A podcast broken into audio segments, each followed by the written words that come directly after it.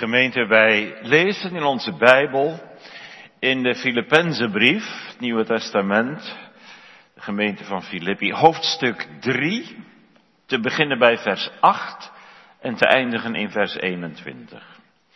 De schriftlezing is Filippenzen 3, 8 tot 21. Ja, gewisselijk, ik acht ook alle dingen schade te zijn om de uitnemendheid van de kennis van Christus Jezus, mijn Heere om wiens wil ik al de dingen schade gerekend heb en acht die drek, vuiligheid te zijn, opdat ik Christus mogen gewinnen. En in hem gevonden worden, niet hebben de mijn rechtvaardigheid die uit de wet is, maar die door het geloof van Christus is, namelijk de rechtvaardigheid die uit God is door het geloof. Opdat ik hem kenne en de kracht van zijn opstanding en de gemeenschap van zijn lijden, zijn dood gelijkvormig wordende, of ik enigszins mogen komen tot de wederopstanding van de doden. Niet dat ik het al gekregen heb, of al reden volmaakt ben, maar ik jaag ernaar, of ik het ook grijpen mocht, waartoe ik van Christus Jezus ook gegrepen ben.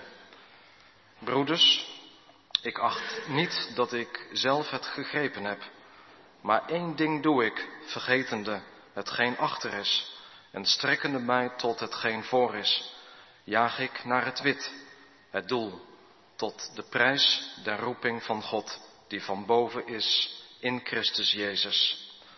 Zoveel dan als wij volmaakt zijn, laat ons dit gevoelen. En indien gij iets anderszins gevoelt, ook dat zal u God openbaren. Doch, daar wij toegekomen zijn, Laat ons daarin naar dezelfde regel wandelen. Laat ons hetzelfde gevoelen. Wees mede mijn navolgers, broeders, en merk op degene die al zo wandelen, gelijk gij ons tot een voorbeeld hebt. Want velen wandelen anders, van de welke ik u dikmaals gezegd heb, en nu ook wenende zeg, dat zij vijanden van het kruis van Christus zijn. Welker einde is het verderf, welker God is de buik, en welke heerlijkheid is in hun schande, de welke aardse dingen bedenken.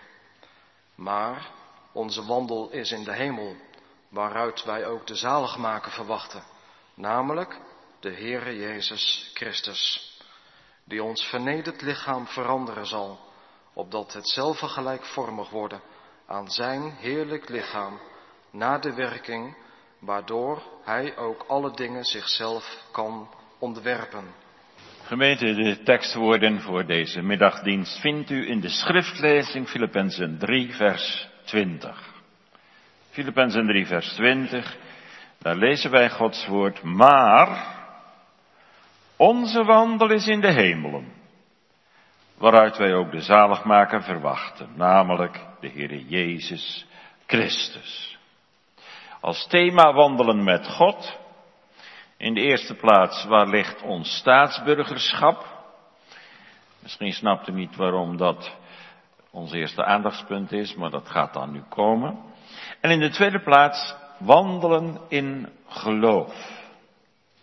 Die twee aandachtspunten. Waar ligt ons staatsburgerschap en wandelen in geloof? Jongens en meiden, ik begin nog even met jullie, een voorbeeld van koning Friedrich Wilhelm IV van Pruisen wordt verteld dat hij eens een dorpsschool bezocht waar hij een les bijwoonde in de hoogste klas, zeg maar groep 8. De koning wilde een paar vragen stellen aan de kinderen. Hij stak zijn hand omhoog met een prachtige ring aan zijn vinger. En aan die ring zat een dure edelsteen. Tot welk rijk behoort deze steen? vroeg hij. En toen antwoordde een jongen, tot het Delfstoffenrijk. Goed. Vervolgens wees de koning naar buiten waar een prachtige rozenstruik stond te bloeien. Tot welk rijk behoort die mooie roos in de schooltuin. Tot het plantenrijk, riepen de kinderen. Daarna liep hij naar een mooie plaat in de klas met allerlei verschillende vogels daarop. En deze vogel, vroeg de koning, die behoort tot het dierenrijk. En toen kwam de moeilijkste vraag. Want toen wees de koning op zichzelf. En hij zei, tot welk rijk behoor ik? Doodse stilte. Niemand zei iets. Wat moest je daar nou op antwoorden? Eindelijk zei een van de kinderen, tot het hemelrijk. De koning ontroerde zichtbaar bij dit antwoord. Waarschijnlijk heeft dat kind gedacht, een koning is zo'n voornaam iemand, die moet wel tot het hoogste rijk behoren wat er bestaat. Het hemelrijk. Tot welk rijk behoor jij? Jongelui, tot welk rijk behoren jullie? Ja, kun je zeggen Nederland, Europa. Ik sta in Houten ingeschreven in de burgerlijke stand. Is dat het enige? Of zou jij durven zeggen, ik hoor ook bij het hemelrijk. Dat is zo als je in de Heer Jezus gelooft. Dan hoor je tot het hemelrijk. En daar hoef je niet voornaam voor te zijn of belangrijk. Een heel eenvoudige man of een kind of een gehandicapte kan ook bij het hemelrijk horen. Als ze geloven in de Heere Jezus en Hem liefhebben. Zo zegt Paulus het nu tegen de gemeente van Filippi. Hij zegt, maar onze wandel is in de hemelen. En dat wordt gezegd van alle ware gelovigen. Zonder uitzondering. Weet je wat ook een goede vertaling zou zijn? Want wij wandelen als burgers van het rijk van de hemelen. Want er zit namelijk iets achter dat woordje wat voor wandel gebruikt wordt, polituima, heeft met politiek te maken. Dat betekent eigenlijk je burgerschap. Dus wandelen als burger van het koninkrijk der hemelen. De Statenvertaling zou ons op een verkeerd been kunnen zetten. Onze wandel is in de hemel. Zou de gedachte kunnen oproepen dat een christen met zijn hoofd in de wolken loopt. En probeert te leven alsof hij nu al in de hemel is. Maar dat bedoelt Paulus hier niet. Onze tekst begint met het woordje maar. Maar. En daar ligt al een stuk verwondering in. Want velen wandelen anders, heeft Paulus gezegd. En het is een wonder dat ze niet allemaal zo wandelen. Want dan moet je eens kijken, we lezen dat nog even in vers 18 en 19. Want velen wandelen anders. Van de welke ik dikmaals gezegd heb en nu ook wenende zeg dat ze vijanden zijn van het kruis van Christus. Welker einde is het verderf, welker God is de buik en welker heerlijkheid is in hun schande, de welke aardse dingen bedenken. Paulus noemt die dwaalleraars, die in de gemeente van Filippi zijn binnengeslopen, vijanden van het kruis van Christus. Hun levenswandel, wat die ook verder zou zijn, de kern ervan is vijandschap tegen het kruis van Christus. En dat is een voortdurende bedreiging van de gemeente. Dat heeft Paulus heel duidelijk aangevoeld. In het Grieks staat ook de vijanden van het kruis van Christus. Het hoeft er eigenlijk niet bij te staan, maar het staat er heel bewust wel bij. De vijanden. Ze zijn niet zomaar vijanden. En, even opgelet, er staat ook niet vijanden van Christus. Maar er staat vijanden van het kruis van Christus. Het gaat hier om diegenen die wel Christus beleiden. En daarom ook christenen heten. Maar ze verachten het kruis dat op Golgotha heeft gestaan. Van zijn kruis willen ze niet weten. Daar nemen ze aanstoot aan. Ze leggen heel veel nadruk op de besnijdenis en allerlei feestdagen en spijswetten. En daar stak eigenlijk een dubbelhartige levenshouding achter. Hun gerechtigheid bleef toch verbonden met het houden van de wet. Ceremoniële wet. En daarom noemt Paulus hen vijanden van het kruis. Omdat ze zichzelf handhaven met strenge regels en verfijnde geboden. Omdat ze nog altijd te goed zijn gebleven om verloren te gaan. Omdat ze nog altijd hoog staan met zichzelf. Om hun eigen verlorenheid in te zien bij het licht van het kruis van de Heer Jezus. Dat missen ze. Omdat ze niet meegekruisigd zijn met Christus. Paulus is dat wel, hij zegt ik ben met Christus gekruist. Omdat ze nooit failliet gegaan zijn in hun vrome of in hun goddeloze bestaan. En zo beleden ze wel de Heer Jezus met hun mond, maar ze verachten zijn kruis. Zou dat nog voorkomen? Jawel, zeker wel. Dat komt nog voor. En dat is eigenlijk ook niet zo vreemd. Want wat betekent het kruis? Dat is de doodsteek voor je eigen gereide ik. Het kruis is als het ware een streep door mijn eigen gerechtigheid. Het kruis zet mij aan de kant. Aan dat kruis zijn al mijn mislukte pogingen tot verlossing voor altijd gestrand. In het licht van het kruis komt vijandschap openbaar.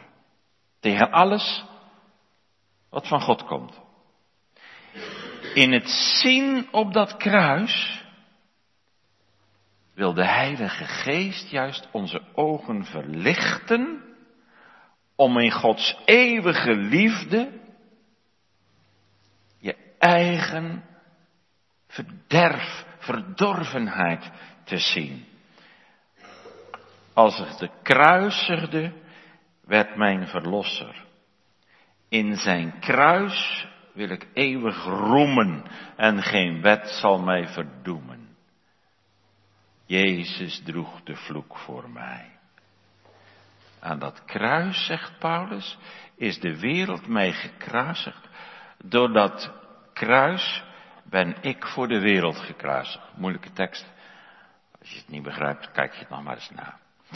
Door dat kruis ben ik gekocht, weggekocht uit de heerschappij van de duivel.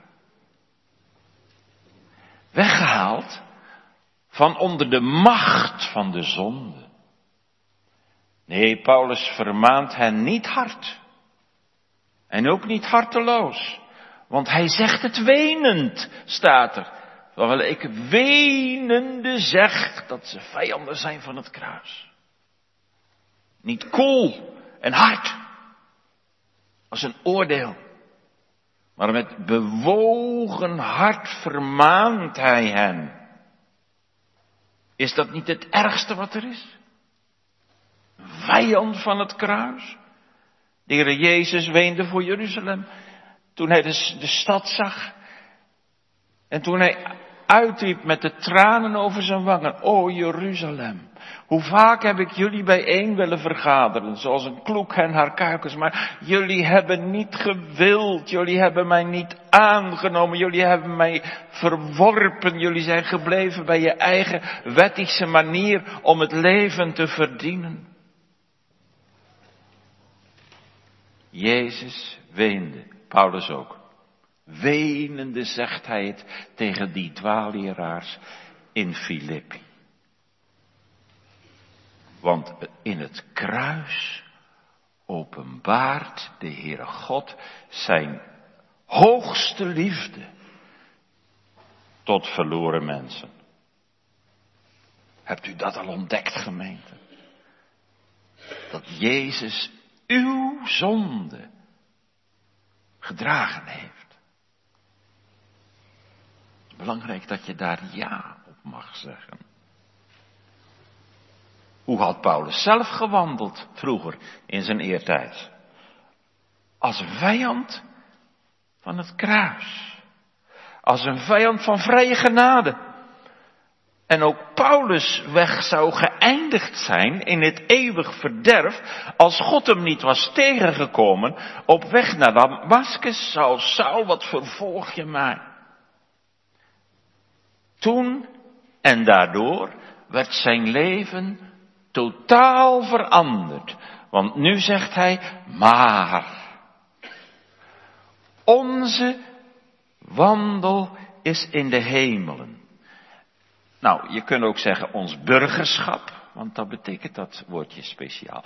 Ons burgerschap is in de hemelen. Ik denk aan schippers. Schippers zeggen ook soms, daar is ons domicilie. Ze varen het hele land door en in de Rijn of de Donau. Maar hun domicilie is maar op één plaats. Daar gaan ze voor anker tijdens belangrijke dagen, bijvoorbeeld rond kerst en oud en nieuw en zo. En daar staan ze ingeschreven in de burgerlijke stand. En daar zijn ze thuis, al zwerven ze normaal overal rond. En in hun domicilie, hun thuis, staan ze ingeschreven. Soms staat de plaatsnaam op hun schip geschilderd. Werkendam.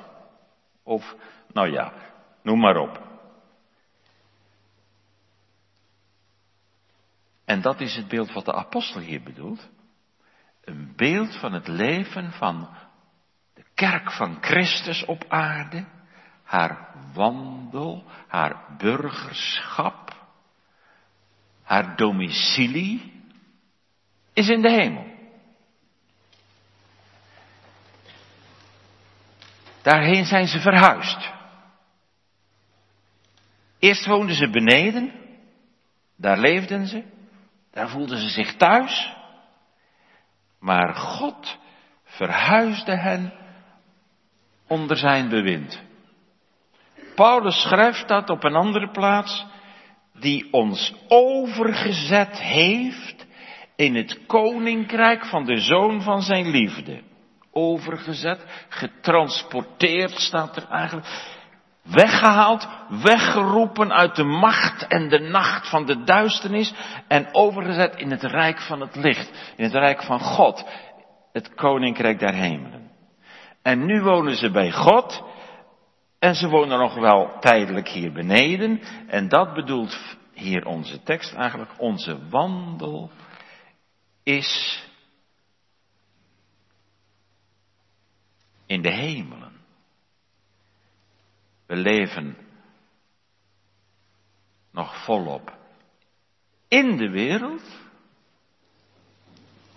maar we zijn niet van de wereld. Dat maakt je tot een vreemdeling. Je bent er wel, maar je bent er ook weer niet. Je bent erin, maar je bent er niet meer van. Heimwee trekt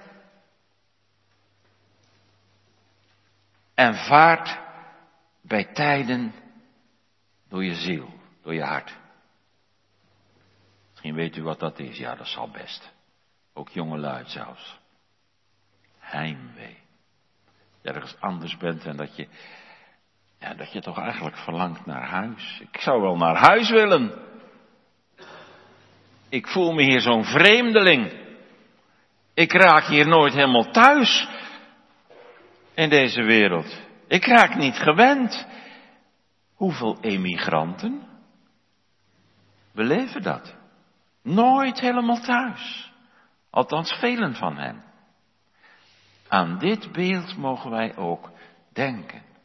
Uw wandel, uw burgerschap, Polytuima. Houd daar verband mee. De stad Filippi was namelijk een kolonie van de Romeinen. Daar woonden veel gepensioneerde ex-militairen.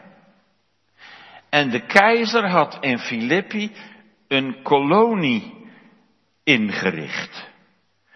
Zo'n kolonie werd helemaal bestuurd naar de wetten en naar het regeringsmodel van Rome. Ze werden behandeld alsof ze in die stad van Italië waren, terwijl in werkelijkheid er een grote afstand tussen ligt. Romeinse burgerschap speelt in Filippi een belangrijke rol. Het was een andere stad dan de andere steden. Hier waren de Romeinen, vooral ook degenen die met pensioen gingen. Paulus beriep zich ook in Filippi op zijn staatsburgerschap. Weet je wel, toen bij die stokbewaarder, die cipier, die tot bekering kwam. Ze waren geslagen en gegezeld en toen uh, zeiden ze, jullie mogen weer vrijen. Toen zei Paulus, nee. Jullie hebben Romeinse burgers zonder verhoor straf opgelegd. En toen kwamen ze en deden hem en Silas uitgeleiden. Dat is een bewijs hoe het burgerschap Romeinse burgerschap, ook in Filippi belangrijk was. Het Romeinse burgerschap was heel bijzonder. Bracht veel rechten met zich mee. Paulus leert ons denken vanuit het koninkrijk der hemelen. Het burgerschap in het koninkrijk van de hemelen. Als je levend gemaakt bent met Christus, dan ben je door wedergeboorte een onderdaan geworden van het koninkrijk der hemelen. Ik zeg het maar met steeds weer een andere woorden, zodat het duidelijk wordt.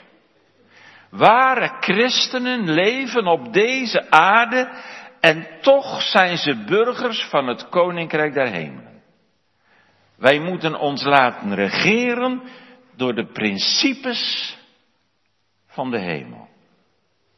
Philippus was, Filippi was als het ware een, een Rome in het klein. Het leven wordt bepaald door wat kenmerkend is voor het leven in Rome. Je leven laten bepalen door het burgerschap was voor de gemeente van Filippi geen theorie, maar werkelijkheid. Onze tekst. Onze, maar onze wandel is in de hemelen. Dat burgerschap in het hemelrijk betekent niet dat we door aardse en wereldse zaken geregeerd worden, maar door de liefde van de Heere Jezus. In de hemel gelden andere principes. En daarom hebben we ook alle leden van de gemeente lief. Als u ingeschreven staat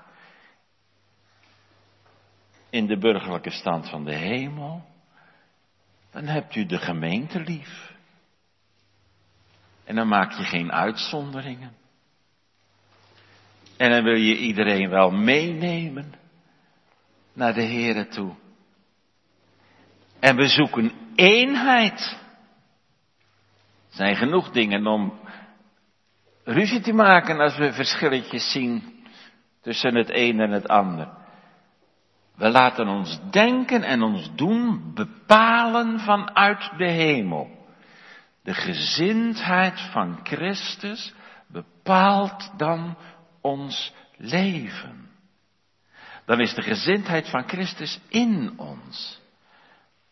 Dan doen we geen ding, zegt Paulus, door twist of ijdele eer, maar we zoeken de eensgezindheid in de gemeente. De een acht de ander uitnemender dan zichzelf. We nemen afstand van het denken van de postmoderne wereld, voor zover we dat nog kunnen en onderscheiden. En als we de Heere Jezus hebben mogen aannemen door het geloof, dan zijn we met hen levend gemaakt. In Sion geboren. Dan sta je ingeschreven bij de burgers van de hemel. De ware christen bedenkt dat zijn koning in de hemel is. En van daaruit wordt dan ook je levensstijl bepaald. Met die regering hebben wij te maken. Dat is ons thuisland. Daarheen zijn we op weg. Dat rijk is nog niet op aarde geopenbaard. Maar voor een gelovige christen is dat rijk wel werkelijkheid. Ik leef hier, dat is tijdelijk, maar ik sta ingeschreven in de hemel. En daardoor laat ik mijn leven bepalen. Wat is dat een voorrecht, gemeente? Want dan gaan we het beeld van de Heere Jezus vertonen. Dan gaan we lijken op Hem. Mensen die ons tegenkomen, die moeten aan ons kunnen merken dat we bij de Heere Jezus horen. Paulus zegt, dan zijn we leesbare brieven van Christus. Dus ja, dat merkt een ander.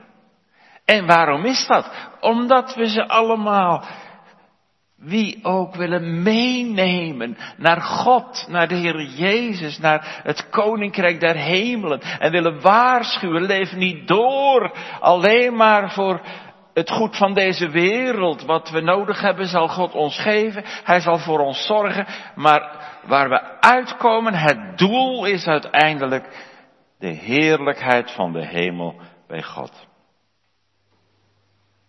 De inwoners van Filippi zijn daar neergezet door de burgerlijke overheid vanuit Rome.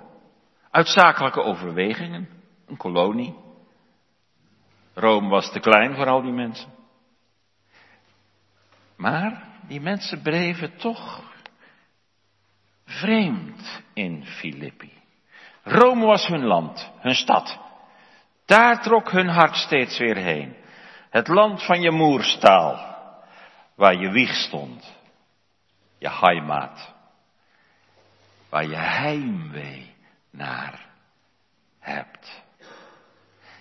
Aan dat alles mogen we denken als de apostel hier spreekt in onze tekst over onze wandel is in de hemelen wandel, wat je afkomst, je afkomst verlogen je nooit. Dat is aan je te zien. Denk maar aan asielzoekers, zeker die uit moslimlanden komen, dan zie je het aan hun kleding, aan hun leefgewoonten, aan de godsdienst die ze beleiden. Ze zijn anders. Ze zijn eigenlijk vreemd in een vreemd land. Zo is het ook te merken aan hen die in de hemel thuis horen, maar hier nog wel op aarde zijn. Vreemdelingschap in deze wereld. Daar hoef je niet excentriek voor te zijn of opvallend gekleed te gaan. Je valt toch wel op aan je wandel, je levenswandel. Wat van je gezien wordt en wat gehoord wordt. En waar je mee bezig bent. Onze wandel is in de hemel. Ja, dat geeft een band met de hemel. We zien dat wandelen de betrokkenheid op de persoonlijke relatie met God inhoudt. Want als het over wandelen gaat als christen, als gelovige, denk aan Henoch. Hij wandelde met God. En hij stierf niet eens. Hij werd zo opgenomen met lichaam en ziel. Denk aan Noach. Hij wandelde met God. Tegen Abraham zegt de Heere, wandel voor mijn aangezicht en wees oprecht. We zoeken geregeld contact met het thuisland.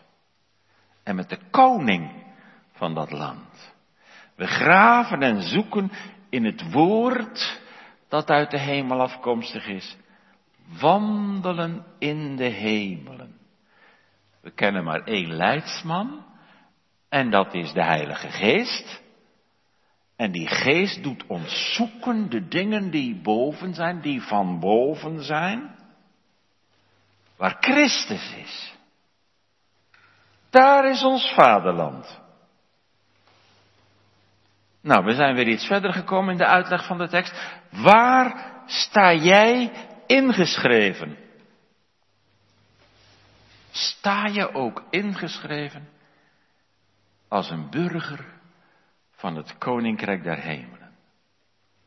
Iemand die naar het buitenland gegaan is, zoekt geregeld contact met zijn familie en zijn vroegere vrienden.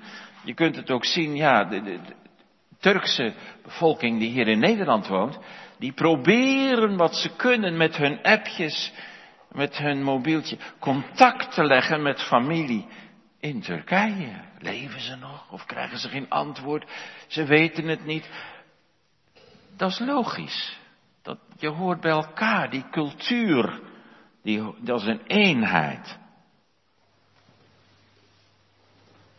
Contact zoeken met God in de hemel en met de andere burgers van het koninkrijk der hemelen. Wat is dat nodig ook? Dat contact zoeken met elkaar via God, via Christus. Dat is de gemeenschap der heiligen. Contact met elkaar in Christus, de oudste broeder. Gemeente is de Heere Jezus u dierbaar geworden. Als oudste broeder is uw burgerschap in de hemelen. Als je burgerschap in de hemel ligt, dan wandel je door het geloof. Als u misschien twijfelt over uw burgerschap,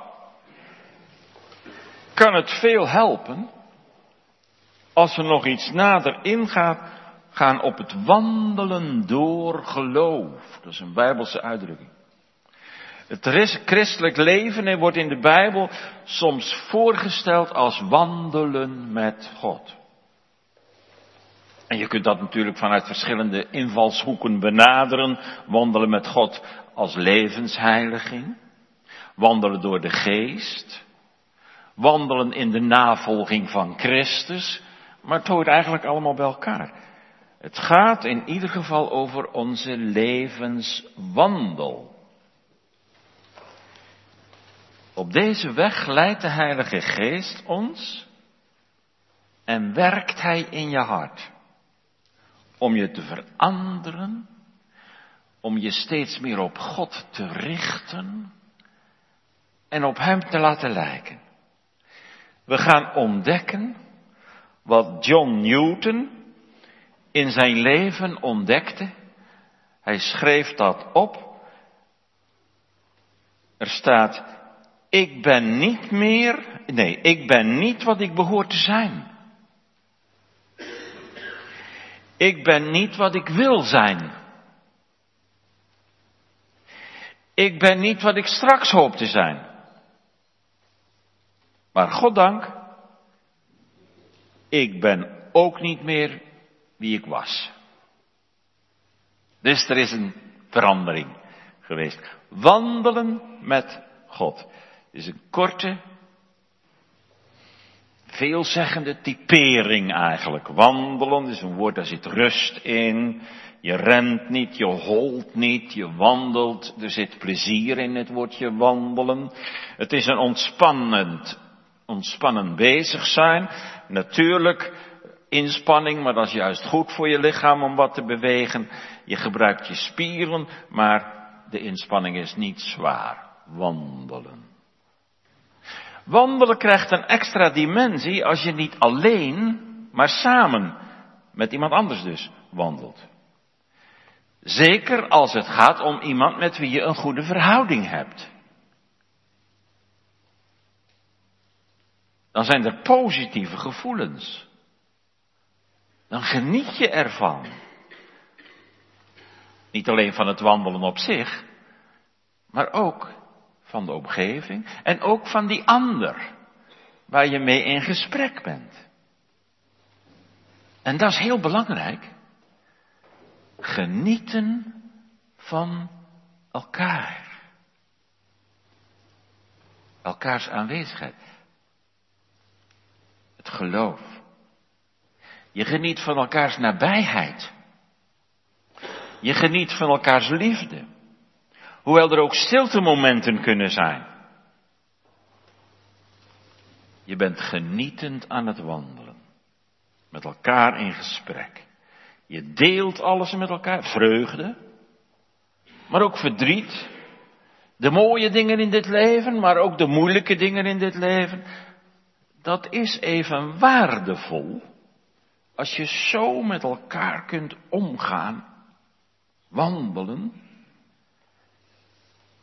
Zo worden sommige dingen verhelderd voor jezelf in een gesprek. Een bepaalde gedachteontwikkeling komt verder. Nou, wandelen met elkaar is heel plezierig. En ook goed. Het leven met God wordt ook genoemd in de Bijbel een wandelen met God. Dat is natuurlijk wel anders dan dat twee mensen met elkaar wandelen. Die wandelen met elkaar. De een wandelt met de ander. Zo is het niet in de verhouding met God. Want Hij is degene die de richting bepaalt van het wandelen. En Hij is tegelijkertijd het doel van het wandelen. Het gaat om de persoonlijke kennis van God. Om de intieme omgang met God. Door gezongen Gods verborgen omgang, zijn vertrouwelijke omgang, woont in zielen waar zijn vrees in woont. Dan ga je op zijn wegen, volgens zijn richtlijnen. Dat blijkt in je levenshouding. Die wordt daardoor gekenmerkt.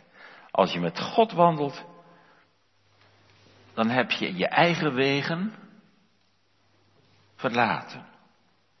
En dan ben je de wegen van de Heere ingeslagen.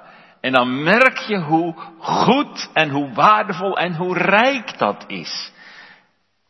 Het keerpunt was het moment waarop je God leerde kennen. En zo met God in een rechte verhouding kwam te staan. Er kan geen sprake zijn van wandelen met God als de verhouding met de Heer niet goed is. Dat betekent dat we het niet zelf voor het zeggen hebben in ons leven. We zijn niet autonoom. Autonomos. We stellen onszelf niet de wet. Maar we buigen onder de wet van God. Aan wie we verantwoording schuldig zijn. En we voegen ons naar zijn wil. Met plezier. Met vreugde. Dat is wat we leren. En waardoor we steeds meer gaan verlangen tijdens het wandelen met God. Die wandel kent wel momenten van vallen en opstaan. Want de zonde en de gebrokenheid van dit leven na de zondeval spelen ons altijd parten. Maar er is een sterke band die ons vasthoudt en opricht. De hand van Hem die ons leidt, stapje voor stapje, leidt tot zijn doel. En dat is dan ook ons doel geworden. En dan komen we uit bij Hem. Onze wandel is in de hemel. Je zou ook het woordje heiligmaking kunnen noemen. Dat komt zo ongeveer op hetzelfde neer. Christus is de bron van de heiliging. En de geest doet niets anders dan putten uit hem en uitdelen. Maar de Heilige Geest werkt ook naar hem toe. De Geest maakt een band met de Heere Jezus. En die band maakt hij steeds steviger, steeds hechter, door ons te heiligen en dicht bij Hem te brengen en bij Hem te houden. En daarom hebben we de Heilige Geest iedere dag nodig, gemeente. De Geest geeft nieuwe inzichten op de werkelijkheid, op God, op onszelf, op de wereld om ons heen. Hij leert ons door de schijn heen te prikken. Als wij ons zo door de geest laten leiden, kan het niet anders of het heeft grote consequenties voor ons leven, onze levensstijl, onze levenshouding, de keuzes die we maken, jonge vrienden, ouderen. Want de geest richt op God. Die zal mij verheerlijken, zegt Jezus. Richt op God. Hij wordt steeds meer het centrum van ons leven en de zin van ons bestaan. Het is een heel proces. En nog een belangrijke vraag. Wanneer begint dan eigenlijk onze wandel met God? Als we worden ingeschreven in de burgerlijke stand van de hemel. Het moment van onze inlijving in Christus door het geloof. Dat is het moment van ons behoud, van onze verlossing, van de verzoening met God, van de vergeving van onze schuld, van het nieuwe leven, van de heiliging dat begint. En dat je tot een kind van God wordt aangenomen. Op dat moment ontvangen we Christus en alles wat van Christus is. En we ontvangen Hem helemaal. We ontvangen ook Zijn, zijn volmaaktheid, Zijn onschuld, Zijn gehoorzaamheid, Zijn gerechtigheid, Zijn heiligheid, Zijn geloof. Niet te zeggen hoe rijk dat is. Alles van Christus, ja, bedekt ons. Hij leeft in ons en wij in Hem. Alles wordt geschonken als onze staat voor God radicaal verandert. Vanaf dat moment hebben wij onze positie in Christus. Op dat moment neemt Christus zijn intrek in ons leven. We moeten dat niet helemaal uit elkaar trekken en in allerlei verschillende vakjes stoppen. De Heere weet wel hoe Hij ons leiden moet. En ook dat we niet alles op één dag leren. Maar wat Hij schenkt, dat schenkt Hij volmaakt. En Hij woont door, door het geloof in ons hart. Dat betekent, we zijn niet alleen in Hem, maar Hij ook in ons. Denk aan de hoofdstukken in Johannes 14, 15 en 16 over de Heilige Geest. Het is zelfs zo dat niet alleen Christus in je hart woont, maar ook de Vader. Wij zullen tot Hem komen en woning bij Hem maken. Wij, zegt Christus. Ook de Vader. En de Heilige Geest, de drie-enige God, die ons leven tot Zijn woning maakt. Beseffen we dat eigenlijk wel genoeg? Als je daar zo bij en uit leven mag, ja, als je dat steeds bewust bent, voelt u hoe je leven dan helemaal gericht wil zijn op God. Je bent geen hemelzoeker. Al kan het zo best beginnen hoor. Ik wil niet naar de hel, ik wil niet verloren gaan, ik wil, kan best zo beginnen, maar je wordt een godzoeker. En je verwacht, Gods kinderen verwachten niet alleen hun zaligheid, krijgen ze, nu al, maar ze verwachten ook de zaligmaker, vandaar dat laatste stuk in de tekst. Waaruit, burgerschap in de hemel ingeschreven, wij ook de zaligmaker verwachten, namelijk onze Heer Jezus Christus. Hemelse wandel kennen is ook hemels verlangen kennen. Een levende verwachting in je omdragen. Het uit de hemel verwachten van de zaligmaker. Hemelburgers verwachten niet zozeer de hemel, maar de zaligmaker. Want wat zou de hemel zijn als Jezus daar niet was? Die om onze zaligheid uit de hemel gekomen is. Daartoe heeft hij heel de zaligheid verworven, de gangen van zijn vernederingen, van zijn verhoging. En toen de zaligheid verworven was, ook via het kruis en zijn opstanding, is hij weer teruggegaan. Hij kwam op het kerstfeest uit de hemel, maar hij is ook weer teruggegaan naar de hemel. En toen heeft hij zijn geest uitgestort, die de gemeente van God vervolgens stelt in het bezit van de zaligheid. Kun je nu al weten, dat zaligheid is geluk. Dan ben je gelukkig met God. Al is er strijd, al is er beproeving, al val je soms in een zonde. Oh, wat vind je dat erg. Dat je, daar doe je boete over. Maar dat bloed, gemeente, dat reinigt van alle zonde. Ik kom terug hoor, heeft de Heer Jezus gezegd. Terug om u voor altijd in het volle bezit van de zaligheid te stellen. En daarom ons burgerschap is in de hemelen, van waaruit wij ook de zaligmaker verwachten. Onze Heere Jezus Christus, dat zijn bekende namen. Ze werden ons bekend gemaakt via de Bijbel in ons leven. We weten hoe hij heet. Jezus, zaligmaker. En we weten wie hij is. Als we een glimp van zijn heerlijkheid mogen zien, dan zijn we overkocht. En we ontmoeten hem straks. En geen vreemde. Wat moet dat zijn?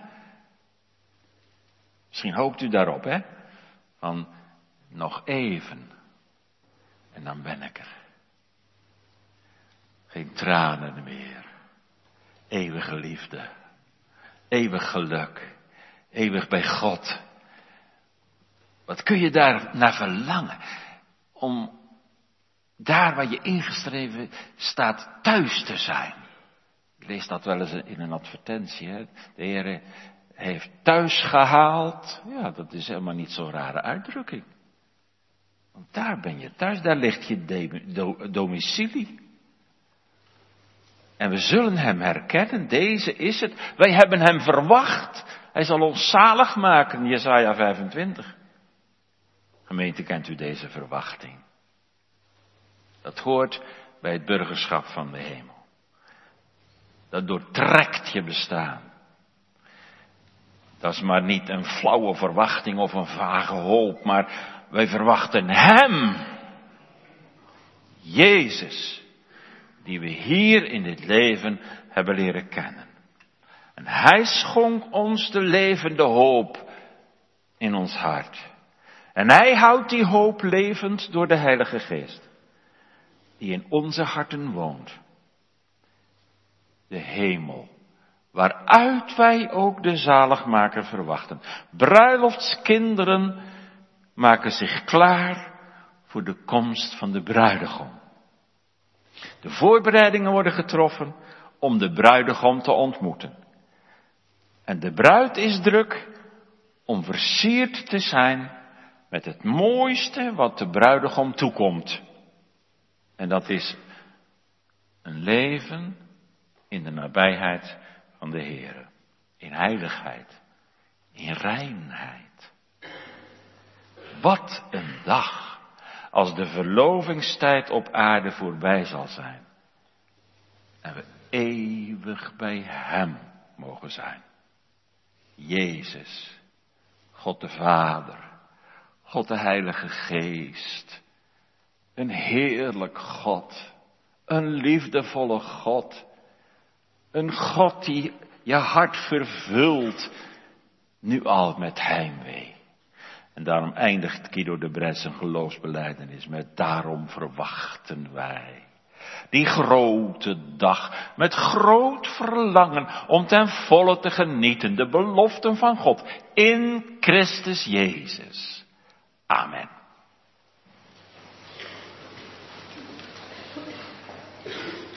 Heren, dank u wel voor uw woord. Wat is dat belangrijk? Dat we weten waarheen we op reis zijn. En dat onze wandel met u mag zijn. We bidden u, Heer. Geef ons iets van die heerlijkheid te zien. Om het te zoeken als we het nog missen. Om het te beoefenen als we u zo mogen kennen. Heere, geef ook onze jongelui. Dat ze dat mogen ervaren in hun leven. Kattegezanten. We leven in zo'n moeilijke tijd. Wordt van zoveel kanten aan ons getrokken. Maar wilt u door uw grote liefde hen overweldigen. Dat ze niet anders meer willen dan u dienen met blijdschap. Zegen ons in de week die weer komt. Zegen hen die in de zorg werkzaam zijn, in het onderwijs, is nog steeds personeel tekort. Helpt u, Heer. Ook om onze keuzes zo te maken, zodat, zodat het in overeenstemming is met uw wil. En leer ons de betrekkelijkheid van dit aardse leven zien. Maar ook de heerlijkheid die wacht om Jezus wil. Amen.